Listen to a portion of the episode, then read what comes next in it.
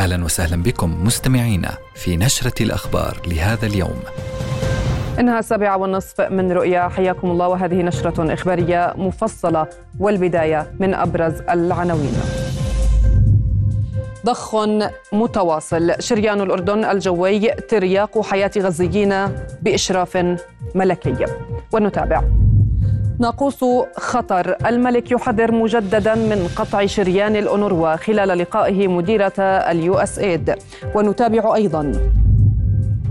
هدنة متأرجحة قطر تنفي انفراجات صوب صفقة جديدة وحماس محبطة من محادثات باريس. وفي عناويننا الاقتصادية البنك المركزي استحداث أدوات للسياسة النقدية للبنوك الإسلامية. وأخيرا نتابع في عناوين نشرتنا الرياضية.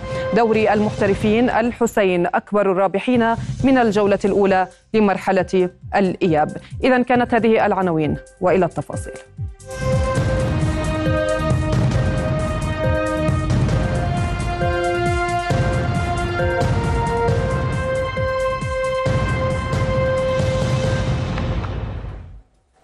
أهلا بكم. شارك جلالة الملك عبد الله الثاني اليوم في إنزال جوي إغاثي ثاني نفذته طائرات تابعة لسلاح الجو الملكي للأهل في قطاع غزة وذلك غداة إنزال نفذه الأردن استهدف سكان القطاع بشكل مباشر.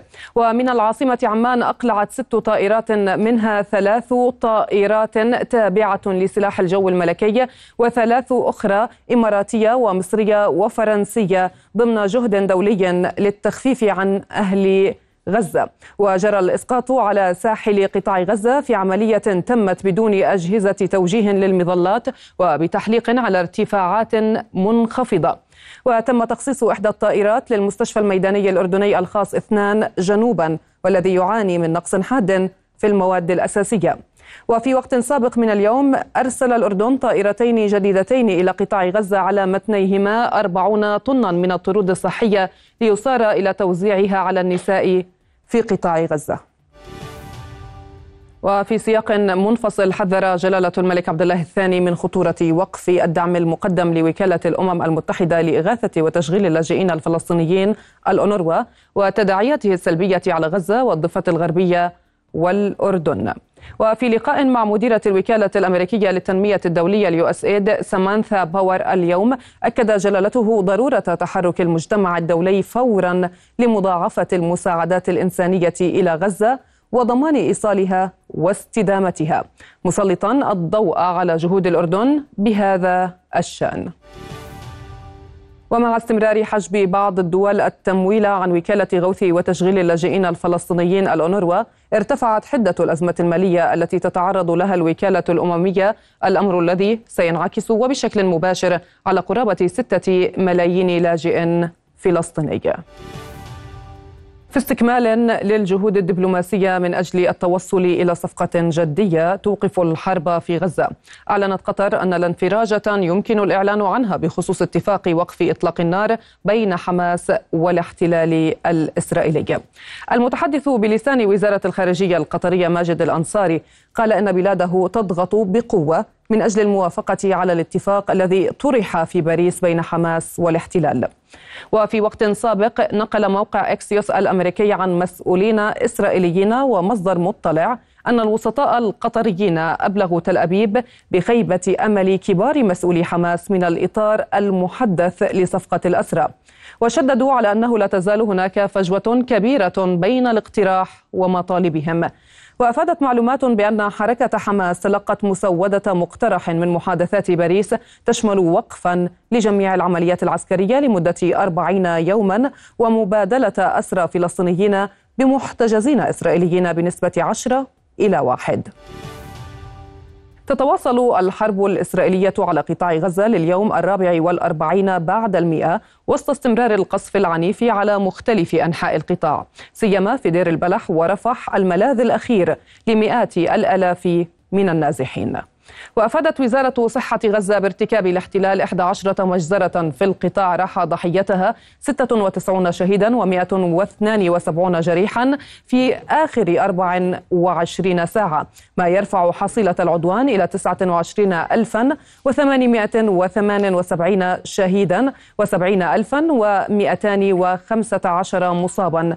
من جانبه أكد المتحدث باسم الوزارة أشرف القدرة ضرورة إجلاء أكثر من 120 مريضا من مجمع ناصر الطبي بخان يونس إلى مستشفيات أخرى لتلقي الرعاية الصحية.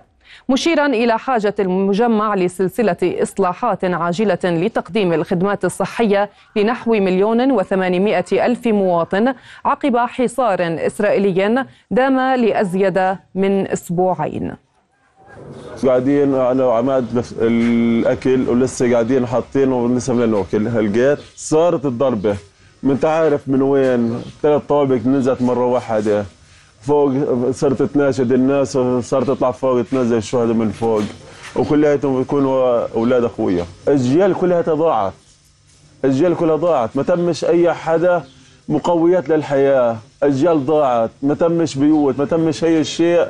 اللي الناس اللي تستند عليه ولا تم بيوت يعني لو رجعوا الناس على الشمال فيش إلا بيوت يكون شوية التراب الدم قاعد يقع ما طلعنا على الصاله إلا الدار كلها كلها رمل. طلعنا على الدار البلد كله رمل طلعنا بهجوبه فعلا. ما طلعنا مش عارف حاجة. طلعت بوعي زي ما أنا الجيران احتووني. ما عرفتش مين اللي استشهد. يعني شوية طلعوا الشهداء ولا تحت الأنقاض. وهذول اللي استشهد بقيت قاعد أنا وياهن والله رايحة أسلم عليهن. ومع تفاقم الوضع الإنساني والمجاعة التي تلتهم سكان غزة أكد الأمين العام للاتحاد الدولي لجمعيات الصليب الأحمر والهلال الأحمر جاغان تشاباغين تزايد خطر الجوع في القطاع يوما بعد يوم في ظل تراجع حاد للأمن الغذائي. وفي منشور عبر منصة إكس نبهت شباغين إلى أن نحو 80% من سكان غزة يواجهون ظروفا طارئة أو كارثية. مشيرا إلى أن أكثر من مليون طفل ومسن في مراكز الإيواء يواجهون خطر الجفاف وأمراض الجهاز الهضمي والتنفسي والأمراض الجلدية وفقر الدم وفق تقارير الهلال الأحمر. فيما جدد دعوته من أجل وصول آمن ودون عوائق للمساعدات الإنسانية الحيوية المنقذة للحياة. هذا وانخفض حجم المساعدات المقدمة لسكان غزة إلى النصف في شهر فبراير. شباط الحالي مقارنة بالشهر السابق وفقا لمعطيات الأمم المتحدة التي أكدت أن القطاع استقبل في المتوسط 98 شاحنة مساعدات خلال هذا الشهر. إحنا هنا جايين راجل الناس الأطفال الأبرياء الفقراء المحتاجين. والله ما هم لاقين لقمة عيش ياكلوها. المي مش لاقينها الله يعزك يتحمموا فيها وشي الناس محتاجة الجوع قتلهم والجوع كافر أنتم عارفين. فنسال من الله عز وجل ثم المؤسسات رؤساء العرب الدول اللي عندها إنسانية ضرت رحمة. على الأطفال انهم يساعدوا اللي عندهم جوع في الشيء في الشاكل يأكلوه. طبخوا منجرتين رز لمنطقه كاملة لا فيها خبز لا فيها مي لا فيها أي شيء من مقومات الحياة. الناس يعني آه، إحنا إحنا قابلين على شهر رمضان. فيش أي مقومات لاستقبال شهر رمضان بالمرة. فيش حد مطلع لنا. بالمرة بالمرة بالمرة. إحنا حياتنا يعني أتوقع ان كمان شوي أقع. فيش ما قلتش من أول امبارح. فيش أكل. من لا فيش أكل ولا شرب. نتفة طبيخ من 200 نفر ما كفت 10 تنفار وما زالت الحرب المستعرة تلقي بظلالها القاتمة على كل صور الحياة في غزة والضفة الغربية المحتلة. فغيبت الحرب 5424 طالبا وطالبة وأصابت 9193 بجروح منذ السابع من تشرين الأول. الماضي. هذا ووفق وزارة التربية والتعليم الفلسطينية استشهد 255 معلما وإداريا وأصيب 891 بجروح في غزة واعتقل أكثر من 73 في الضفة الغربية.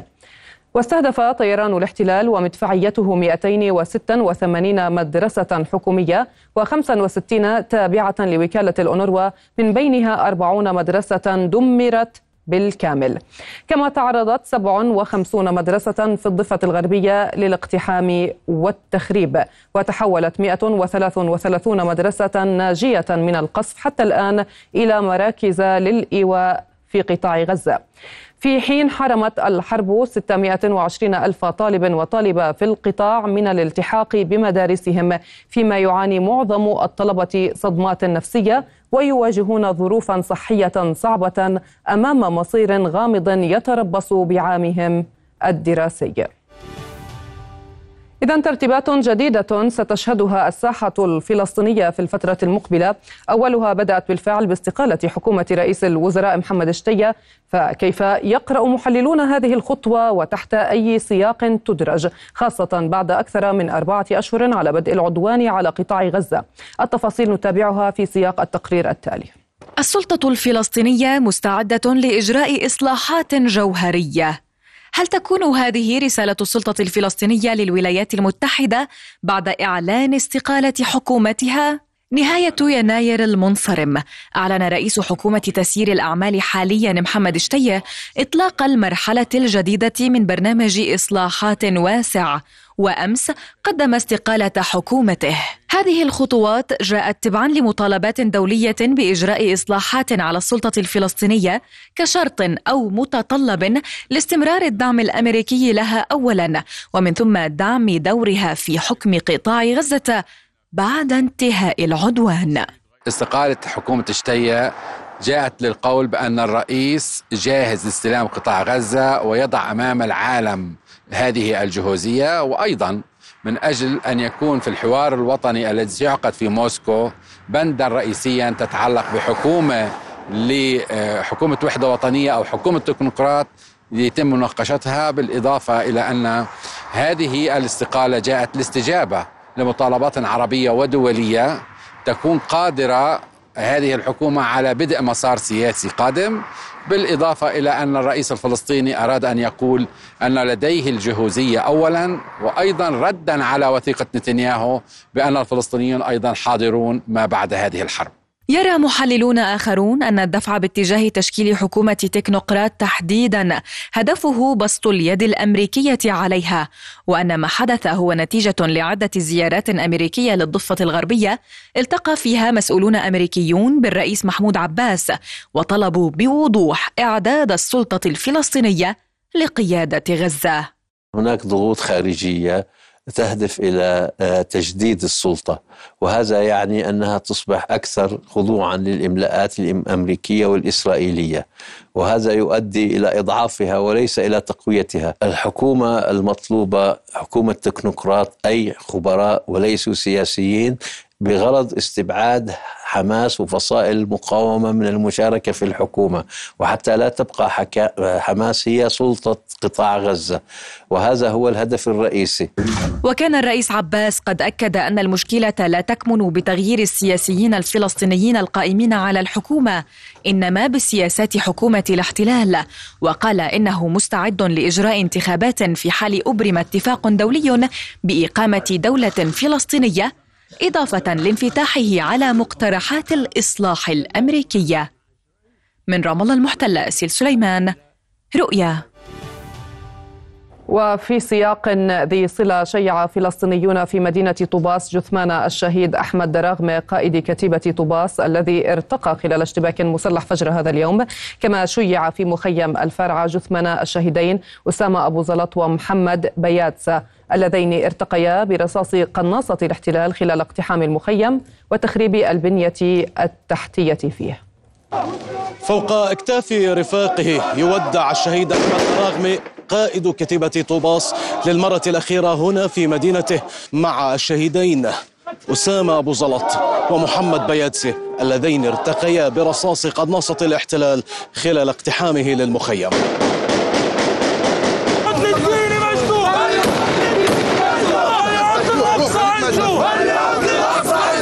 تعمل هذه الآليات على إصلاح الطرقات والشوارع التي خربتها جرافات الاحتلال العسكرية خلال اقتحام الليلة الماضية.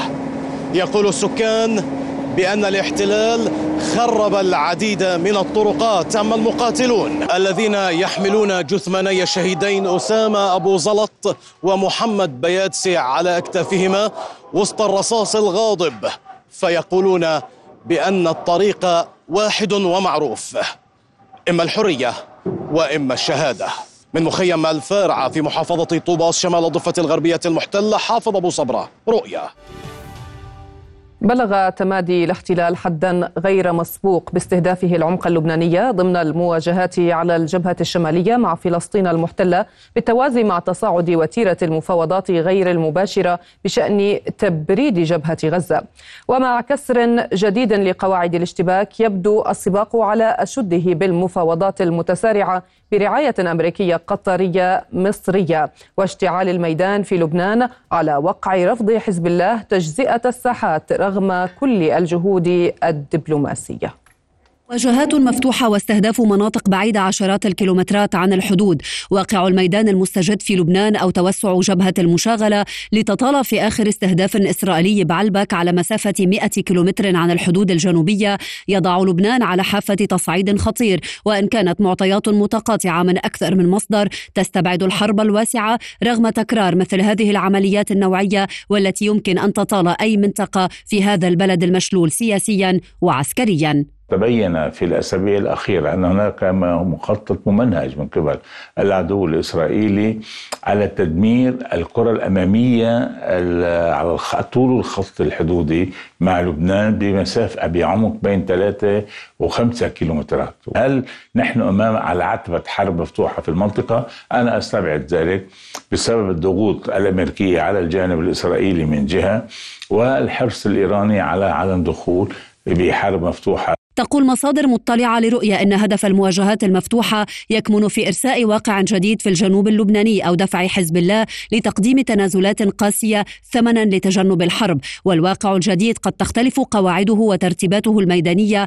عما كان عليه الوضع سابقا سواء بعد التحرير في الألفين أو بعد القصف الممنهج في العام 2006 وآليات تطبيق القرار 1701 حزب الله يبدو متمسكا بوحدة الساحات بمعنى أن ما يسري على غزة يسري على لبنان. وبحسب مصادر دبلوماسية فهو يرفض ورقة فرنسية بشأن التهدئة تلقاها عبر الوسيط الدائم حليفه نبيه بري ويصف الحزب هذه الورقة بترتيبات أمنية بحتة لافتا إلى أنه غير معني بتقديم أي تنازلات طالما أن الحرب لم تقع وتاليا فهو ليس وارد الخسارة. بالواقع الورقة الفرنسية ليست ورقة رسمية بمعنى أنها موجهة من قبل وزارة الخارجية أو من قبل وزارة الدفاع الفرنسية إلى الجهات اللبنانية المعنيه بقدر ما هي مجموعة أفكار. لبنان مع تنفيذ القرار 1701 والعودة إلى اتفاقية الهدنة 1949 ولكن شرط أن يتقيد الجانب الإسرائيلي بذلك. في المحصلة تفيد تسريبات لم تؤكد بعد بأن لبنان الرسمي أرسل رسائل واضحة حول استعداده لسريان الهدنة على أراضيه بالتزامن مع هدنة غزة. في الخلاصة تسعى واشنطن إلى الفصل بين الجبهات فيما تقترح باريس إبعاد عناصر الحزب مسافة 10 كيلومتر عن الحدود. بالتوازي مع حراك عربي مكثف على خط الدوحة القاهرة سعيا لتجنب الأسوأ.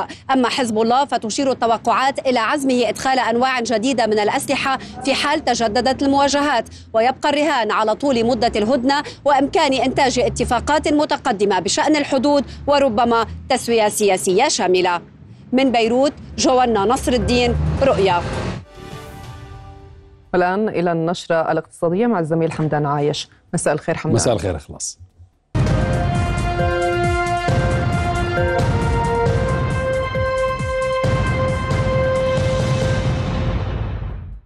أهلا بكم. استحدث البنك المركزي الأردني أدوات جديدة للسياسة النقدية للبنوك الإسلامية بما يتوافق أحكام الشريعة الإسلامية. البنك المركزي في بيان قال إن الأدوات المستحدثة التي تمنح لأول مرة للبنوك الإسلامية ستسهم في زيادة فعالية إدارة السيولة في السوق النقدي وكفاءتها ومساعدة البنوك الإسلامية على إدارة سيولتها بمرونة أكبر وإيجاد سوق فعال فيما بينها. وبموجب هذه الأدوات سيكون البنك المركزي قادرا على توفير السيولة النهارية للبنوك الإسلامية وكذلك توفير السيولة لليلة واحدة ولغاية أسبوع بناء على طلبها كما تسمح للبنك المركزي المبادرة بما يحقق الأهداف التشغيلية للسياسة النقدية. ويبلغ عدد البنوك الإسلامية في الأردن أربعة بنوك ثلاثة منها أردنية وواحد أجنبي. أنهى مجلس الأمة الاستحقاق الدستوري بإقرار مجلس الأعيان مشروع الموازنة العامة للسنة المالية 2024 كما ورد من مجلس النواب حيث ينتظر صدور الإرادة الملكية بالموافقة على المشروع لنشره في الجريدة الرسمية وبدء تنفيذ قانون الموازنة. وفي رد الحكومة على مناقشات أعضاء مجلس الأعيان قال وزير المالية الدكتور محمد العسعس إن التطورات المتسارعة العالمية على الصعيدين الاقتصادي والسياسي جعلت من عملية الإصلاح المالي والاقتصادي أكثر إلحاحا مما كانت عليه في الماضي. ولفت إلى أن الحكومة خصصت 100 مليون دينار للنفقات الطارئة للتعامل مع تطورات حالة عدم وضوح الرؤية جيوسياسيا. وأوضح أن تقديم موازنة رأسمالية تاريخية جاء لتحفيز النشاط الاقتصادي وتعزيز النمو لوضع البطالة على منحنى انخفاض وقدمت اللجنة المالية لمجلس العيان 29 توصية من مختلف القطاعات وتم الموافقة عليها. تتوقع الحكومة أن يترتب على الحرب على غزة وآثار ارتفاع تكلفة الشحن بسبب أحداث باب المندب أن تتراجع نسبة النمو في الناتج المحلي الإجمالي بحوالي 0.2% أما نسبة التضخم فقد ترتفع إلى 2.7% في عام 2024 وفي مجال النفط والغاز فإن وزارة الطاقة تؤكد أن لديها مخزون كافي من الغاز والوقود لإدامة توليد الكهرباء لمدة تزيد على شهرين وأن لديها بدائل عديدة للتزويد بهذه المواد في حالة ظهور ظروف استثنائية. إننا في مجلس الأعيان نؤكد ضرورة أن يكون هناك استراتيجية اقتصادية لمواجهة تداعيات الحرب على قطاع غزة فلا نريد أن نجد الآلاف من الأردنيين بعد انتهاء العدوان الإسرائيلي الغاشم ينضمون إلى صفوف البطالة والمتعطلين عن العمل. إن الواقع الراهن يتطلب إصلاحات مالية واقتصادية لتجاوز عجز الموازنة العامة ووجود سياسات اقتصادية واضحة وقابلة للتنفيذ تكون مرتبطة بمدد زمنية محددة حتى يشعر المواطن بها وتنعكس على حياته المعيشية. تتفاوض وزارة المياه مع الشركة الوحيدة التي تقدمت لتنفيذ مشروع الناقل الوطني لتحلية ونقل المياه من العقبة إلى محافظات المملكة كافة بهدف تخفيض كلفة أو الكلفة بحسب ما أعلنت اللجنة المالية في مجلس الأعيان. ويهدف المشروع إلى تحلية ونقل 300 مليون متر مكعب من المياه المحلاة من خليج العقبة على البحر الأحمر إلى جميع مناطق المملكة لمواجهة العجز المائي للمملكة وتأمينها لتغطية احتياجات الشرب خلال العقدين المقبلين. تقوم الوزارة بتنفيذ مشاريع عدة تصل حجم الاستثمارات فيها إلى 1.2 مليار دينار.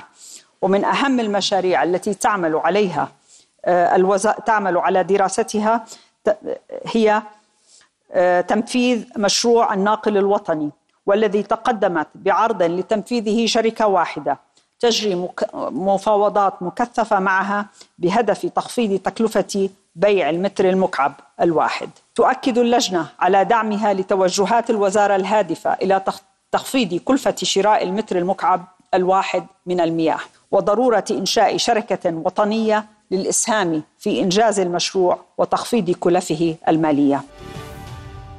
أكدت الأميرة سمية بنت الحسن ضرورة أن يبدأ التطور في التكنولوجيا من خلال البرامج التعليمية بتعليم اللغات والمهارات المختلفة إلى جانب الاهتمام بالتعليم المهني والتدريب في القطاعات المختلفة. وقالت خلال افتتاح منتدى تمكين المرأة في قطاع الاتصالات وتكنولوجيا المعلومات إن التفوق في التكنولوجيا والتعليم ليس خيارا في العالم العربي بل ضرورة لتحقيق التقدم والابتكار وتحسين جودة حياة الناس. من جانبه أشار رئيس هيئة المديرين في جمعية إنتاج عيد سويس إلى أن نسبة الخريجات في قطاع تكنولوجيا المعلومات تقارب 50% فيما لا تتجاوز مشاركة المرأة الفعلية في القطاع 29% ما يؤكد وجود تحديات كبيرة تواجه مشاركة المرأة بفعالية في الاقتصاد الرقمي.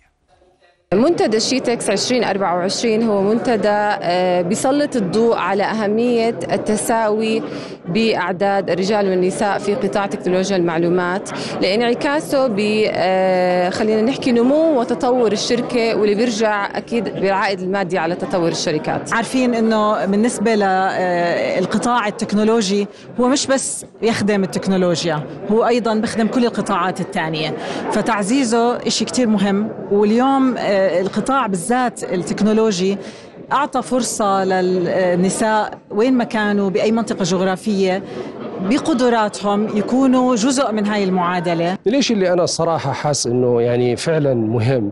إنه إحنا لازم نحس بهذه المسؤولية مهمة على مستوى القطاع على مستوى الصناعة وعلى مستوى ال- ال- المجتمع كله. أنا كثير تفاجأت بحجم وقدرات المرأة الأردنية في قطاع تكنولوجيا المعلومات.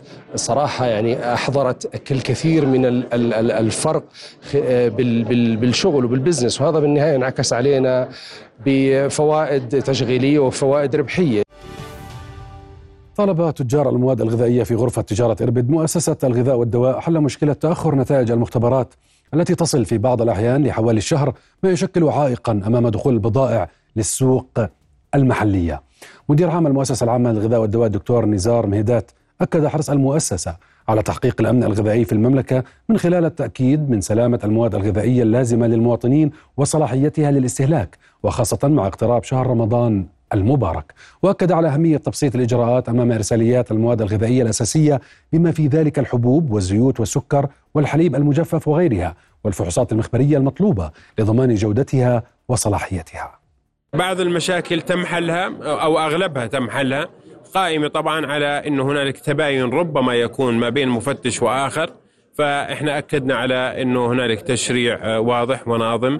ومصفوفة آه، ثابتة لأغراض الرقابة. يفترض العمل آه، عليها وتفعيلها على كل المنشآت بغض النظر عن آه، درجة خطورة ال- ال- المنشأة لكن إعطاء الأولوية من ناحية عدد الجولات للمنشآت الأكثر خطورة. طالبوا ال- الإخوان التجار بتخفيف ال- ال- الجهات الرقابية اللي كانت أسبوعي تمر على المنشآت وهذه ترهق العمل التجاري.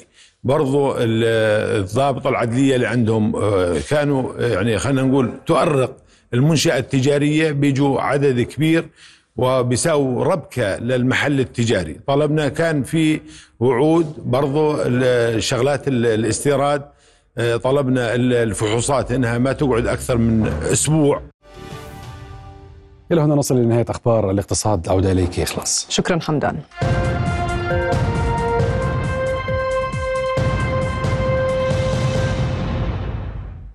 أهلا بكم من جديد وإلى إلى آخر الأخبار على الساحة المحلية حيث كرمت نقابات وجهات طبية عددا من الأطباء والممرضين الأردنيين الذين عادوا إلى أرض الوطن بعد زيارتهم لقطاع غزة ومساعدة الأطباء في مستشفيات القطاع.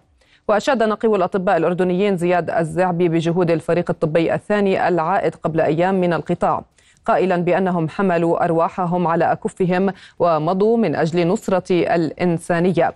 كما أنهم الأطباء العرب الوحيدون الذين دخلوا القطاع منذ بداية الحرب. وأكد الزعبي أيضا أن هناك العديد من الأطباء الأردنيين والعرب ممن يرغبون التوجه إلى غزة لتقديم العون اللازم. مجرد اللقاء اللي كان من أهلنا بالقطاع من المعبر للمستشفى بخلينا في البداية نحس بالفخر قديش هم بيحبونا قديش بيحترمونا. وبنفس الوقت نحس بالعجز انه إحنا مش قادرين نوصل. نقابة الأطباء وبالتعاون مع نقابات الأخرى المهنية تقوم الآن بجهد كبير حقيقة في الانتصار لأهل غزة. فلقد أقمنا قبل أسبوعان المؤتمر الدولي الأول لإعمار القطاع الصحي في غزة. نفتخر بكم ونعتز بكم ونشكركم لأنكم قمتم بما عجز عنه الكثيرون.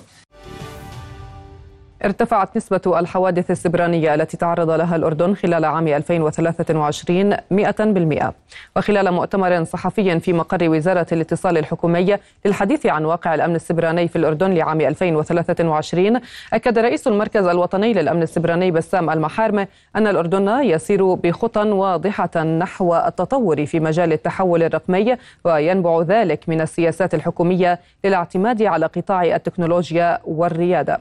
وكشف المحارمة عن وجود خطة لإطلاق إطار وطني للأمن السبراني قريبا.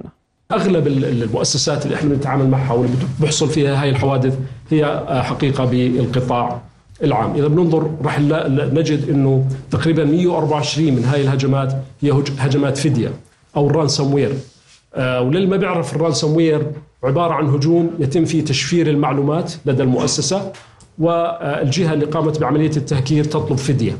تطلب فدية بتطلب مبلغ مالي مقابل إنه أنت تسترجع معلوماتك أو يفكوا التشفير اللي قاموا فيه. الآن أغلب هاي الحوادث تم الكشف عنها من خلال قدرات المركز الوطني للأمن السيبراني بنتحدث عن 94% تقريبا من هاي الحوادث تم اكتشافها بقدراتنا 6% فقط تم الإبلاغ عنها. إحنا هدفنا حقيقة وندعو المؤسسات أي مؤسسة تتعرض لحادث سيبراني إنها تبلغ المركز لأنه هذا الشيء ضروري جدا. عملية الإبلاغ حتى قانونيا قانون الأمن السيبراني يلزم أي مؤسسة تتعرض لحادث أمن سيبراني إنها تقوم بإبلاغ المركز. طبعا هذا الشيء بيساعدنا إحنا كمركز حتى نتعلم من هاي الحوادث في حماية الآخرين. ألقى العاملون في إدارة مكافحة المخدرات القبض على 23 شخصا من تجار المخدرات ومروجيها ومهربيها خلال الأيام الماضية من خلال 12 قضية. نوعية. وبحسب الناطق باسم مديرية الأمن العام فإن أبرز تلك القضايا إحباط تهريب مليون, مليون ونصف حبة مخدرة لإحدى دول الجوار. كما وأحبط العاملون في الإدارة تهريب كيلوغرامين من مادة الكريستال المخدرة عبر حدود جابر إضافة إلى سبعين ألف حبة مخدرة. وأضاف الناطق باسم الأمن العام أن الحملات الأمنية المنفذة في مناطق مختلفة أفضت إلى ضبط قرابة 55 ألف حبة مخدرة و22 كف حشيش ونصف كيلوغرام من مادة الكريستال إضافة إلى 13 سلاحاً. كشف رئيس جامعة البلقاء التطبيقية دكتور أحمد العجلوني أن حجم مديونية الجامعة وصل إلى قرابة 22 مليون دينار في حين أن للجامعة أكثر من 39 مليون دينار على عفوا على مجموعة من الجهات الرسمية الباعثة لم تحصلها الجامعة بعد. من جانبه أوضح رئيس الجامعة الهاشمية بالإنابة الدكتور عوني الإطرادات أن الجامعة حصلت خلال الفترة الماضية على أهم اعتمادين دوليين هندسيين في العالم بالإضافة إلى اعتمادات دولية في كليتي الكيمياء والصيدلة. في حين أن الجامعة رفعت عدد مقاعدها إلى أزيد من 22 ألف مقعد بينما كانت الطاقة الاستيعابية قبل عامين أقل من 11 ألف مقعد مؤكدا عدم وجود أي مديونية على الجامعة. لنا أموال غير محصلة في عند جهات الباعثة.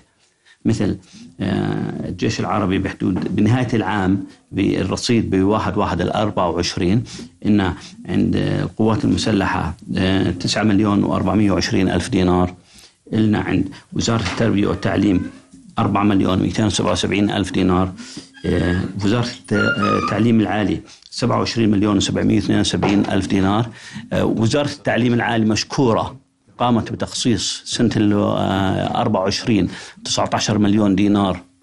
من 27 من 27 سوف يتم دفعها خلال سنة ال 24 عندنا كلية الطب كان وصيدله وعلوم طبية مساندة وتمريض. كان ينقصنا طب الأسنان. افتتحناه مؤخرا. كان كان تشالنج حقيقة قوي جدا. وتحدي وافتتحنا طب الأسنان. ومشكورين حقيقة الأمر. اللجان المختلفه في الجامعة وبوزاره التعليم العالي وبهيئه الاعتماد اللي ساهمت في في تحقيق هذه الرؤية، هاي الكلية مع تكامل الكليات الطبية بتخدم تقريبا أربع محافظات. الزرقاء والمفرق المتاخمات تماما للجامعة والبادية الوسطى والشمالية وأيضا محافظة جرش.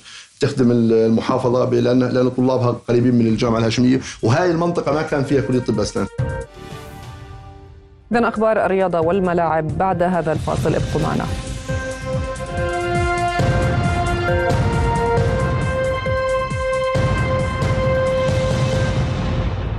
والآن ننتقل مباشرة إلى الزميلة سميحة مجدلوية وآخر تطورات الرياضة والملاعب. مساء الخير سميحة. مساء الخير إخلاص. أهلا بكم. تأهل منتخب السيدات إلى نهائي بطولة غرب آسيا لكرة القدم بفوزه على شقيقه الفلسطيني بخماسية نظيفة في مباراة نصف النهائي. وكان منتخب النشميات وصل إلى نصف النهائي بعد تصدره المجموعة الأولى بالعلامة الكاملة من ثلاثة انتصارات. وينتظر المنتخب الوطني في المشهد الختامي الفائز من مواجهة نصف النهائي الآخر بين لبنان ونيبال. اختتمت يوم أمس منافسات الجولة الثانية عشرة من دوري المحترفين لكرة القدم حيث واصل الحسين ابتعاده بصدارة الترتيب مستفيدا من تعثر ملاحقه المباشر الوحدات. التفاصيل في هذا التقرير. آه، منذر أبو عمارة بمستويات فنية أقل من المأمولة اختتمت منافسات الجولة الأولى من مرحلة إياب دور المحترفين.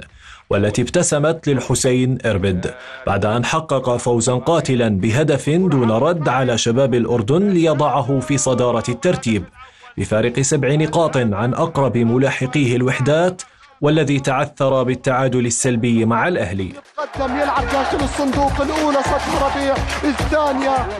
الفيصلي بدوره استفاد من تعادل الوحدات ليصعد ويشارك الأخضر في وصافة الترتيب بعد فوزه الثقيل على مضيفه السلط بثلاثية نظيفة. فيما بقي الرمث رابعا بانتصاره المثير على مغير السرحان بأربعة أهداف لهدفين. ثاني الأهداف هنا ريسيف وينجح. وشهدت الجولة تعادلين سلبيين آخرين. كان الأول بين شباب العقبة وسحاب بينما كان الثاني بين معان والجليل ولم يكتف الحسين إربد بالرصيد النقطي المميز دون أي خسارة حتى الآن بل إنه يمتلك أعلى عدد انتصارات بعشر مرات فوز وأقل عدد تعادلات بتعادل يتيم وهو الرقم ذاته للرمثة وشباب الأردن والسلط. كما أنه يمتلك الهجوم الأقوى بخمسة وعشرين هدفا ولم تتلقى شباكه إلا هدفين. تصدر المنتخب الوطني لكرة السلة المجموعة الرابعة في التصفيات المؤهلة لنهائيات كأس آسيا وذلك بتحقيقه العلامة الكاملة في مباراتي النافذة الأولى. وتغلب الصقور على المنتخب السعودي بنتيجة 79 نقطة مقابل 64 نقطة في ثاني انتصاراتهم بعد التغلب على منتخب فلسطين في المباراة الأولى. ورفع المنتخب الوطني رصيده إلى أربع نقاط في صدارة ترتيب فرق مجموعته الرابعة يليه المنتخبان السعودي والعراقي في المركزين الثاني والثالث على التوالي برصيد ثلاث نقاط لكل فريق فيما يتذيل المنتخب الفلسطيني الترتيب برصيد نقطتين من خسارتين متتاليتين. أعلن الاتحاد الدولي للمصارعة عن إسناد تنظيم بطولة العالم تحت سن 17 عاما للاتحاد الأردني لتقام البطولة في عمان في شهر آب المقبل. ويأتي هذا القرار بعد سلسلة النجاحات التي حققها الأردن العام الماضي باستضافته بطولة العالم للمصارعة للناشئين والتي نجح خلالها الاتحاد الأردني في تقديم نسخة استثنائية. وأكد الاتحاد الأردني جاهزية كوادره لهذه الاستضافة التي ستكون استثنائية بعد الخبرات الكبيرة التي اكتسبت بالفترة الأخيرة على الصعيد التنظيمي. أعلن الاتحاد الدولي لكرة القدم عن إطلاق سلسلة جديدة من المباريات الدولية الودية تحمل اسم FIFA Series وتقام بمشاركة 20 منتخب في أولى مراحلها. وتأتي هذه المباريات تماشيا مع الأهداف الاستراتيجية للاتحاد الدولي واستمرارا للقرار الذي اتخذه مجلس الفيفا قبل عامين حيث سيقوم الفيفا بتنفيذ المرحلة التجريبية لسلسلة الفيفا خلال فترة نافذة التوقف الدولية للرجال الشهر المقبل. وتهدف المبادرة إلى دعم المنتخبات التي لا تحصل عادة على فرصة مواجهة منتخبات من قارات أخرى حيث ستتحمل الفيفا تكاليف السفر دون وجود جوائز مالية. ألمح نجم التنس البريطاني أندي موراي إلى أنه يقضي الأشهر الأخيرة له في مسيرته بعدما نجح في قلب تأخره إلى فوز على الكندي دينيس شابولوف ليحقق فوزه الثاني هذا العام. وأكد موراي أنه يحب المواصلة في المنافسات لكن الأمور تصبح صعبة أكثر عندما تتقدم في العمر ويكون عليك منافسة اللاعبين الشباب ومواصلة الاعتناء بجسمك ولياقتك. ويعد النجم البريطاني من أبرز لاعبي التنس تاريخيا وتوج بثلاثة ألقاب كبرى خلال مسيرته. إلى هنا نكون قد وصلنا إلى نهاية أخبار الرياضة. عودة إليك إخلاص. شكرا سميحة. وصلنا إلى ختام النشرة. شكرا على طيب المتابعة. في أمان الله.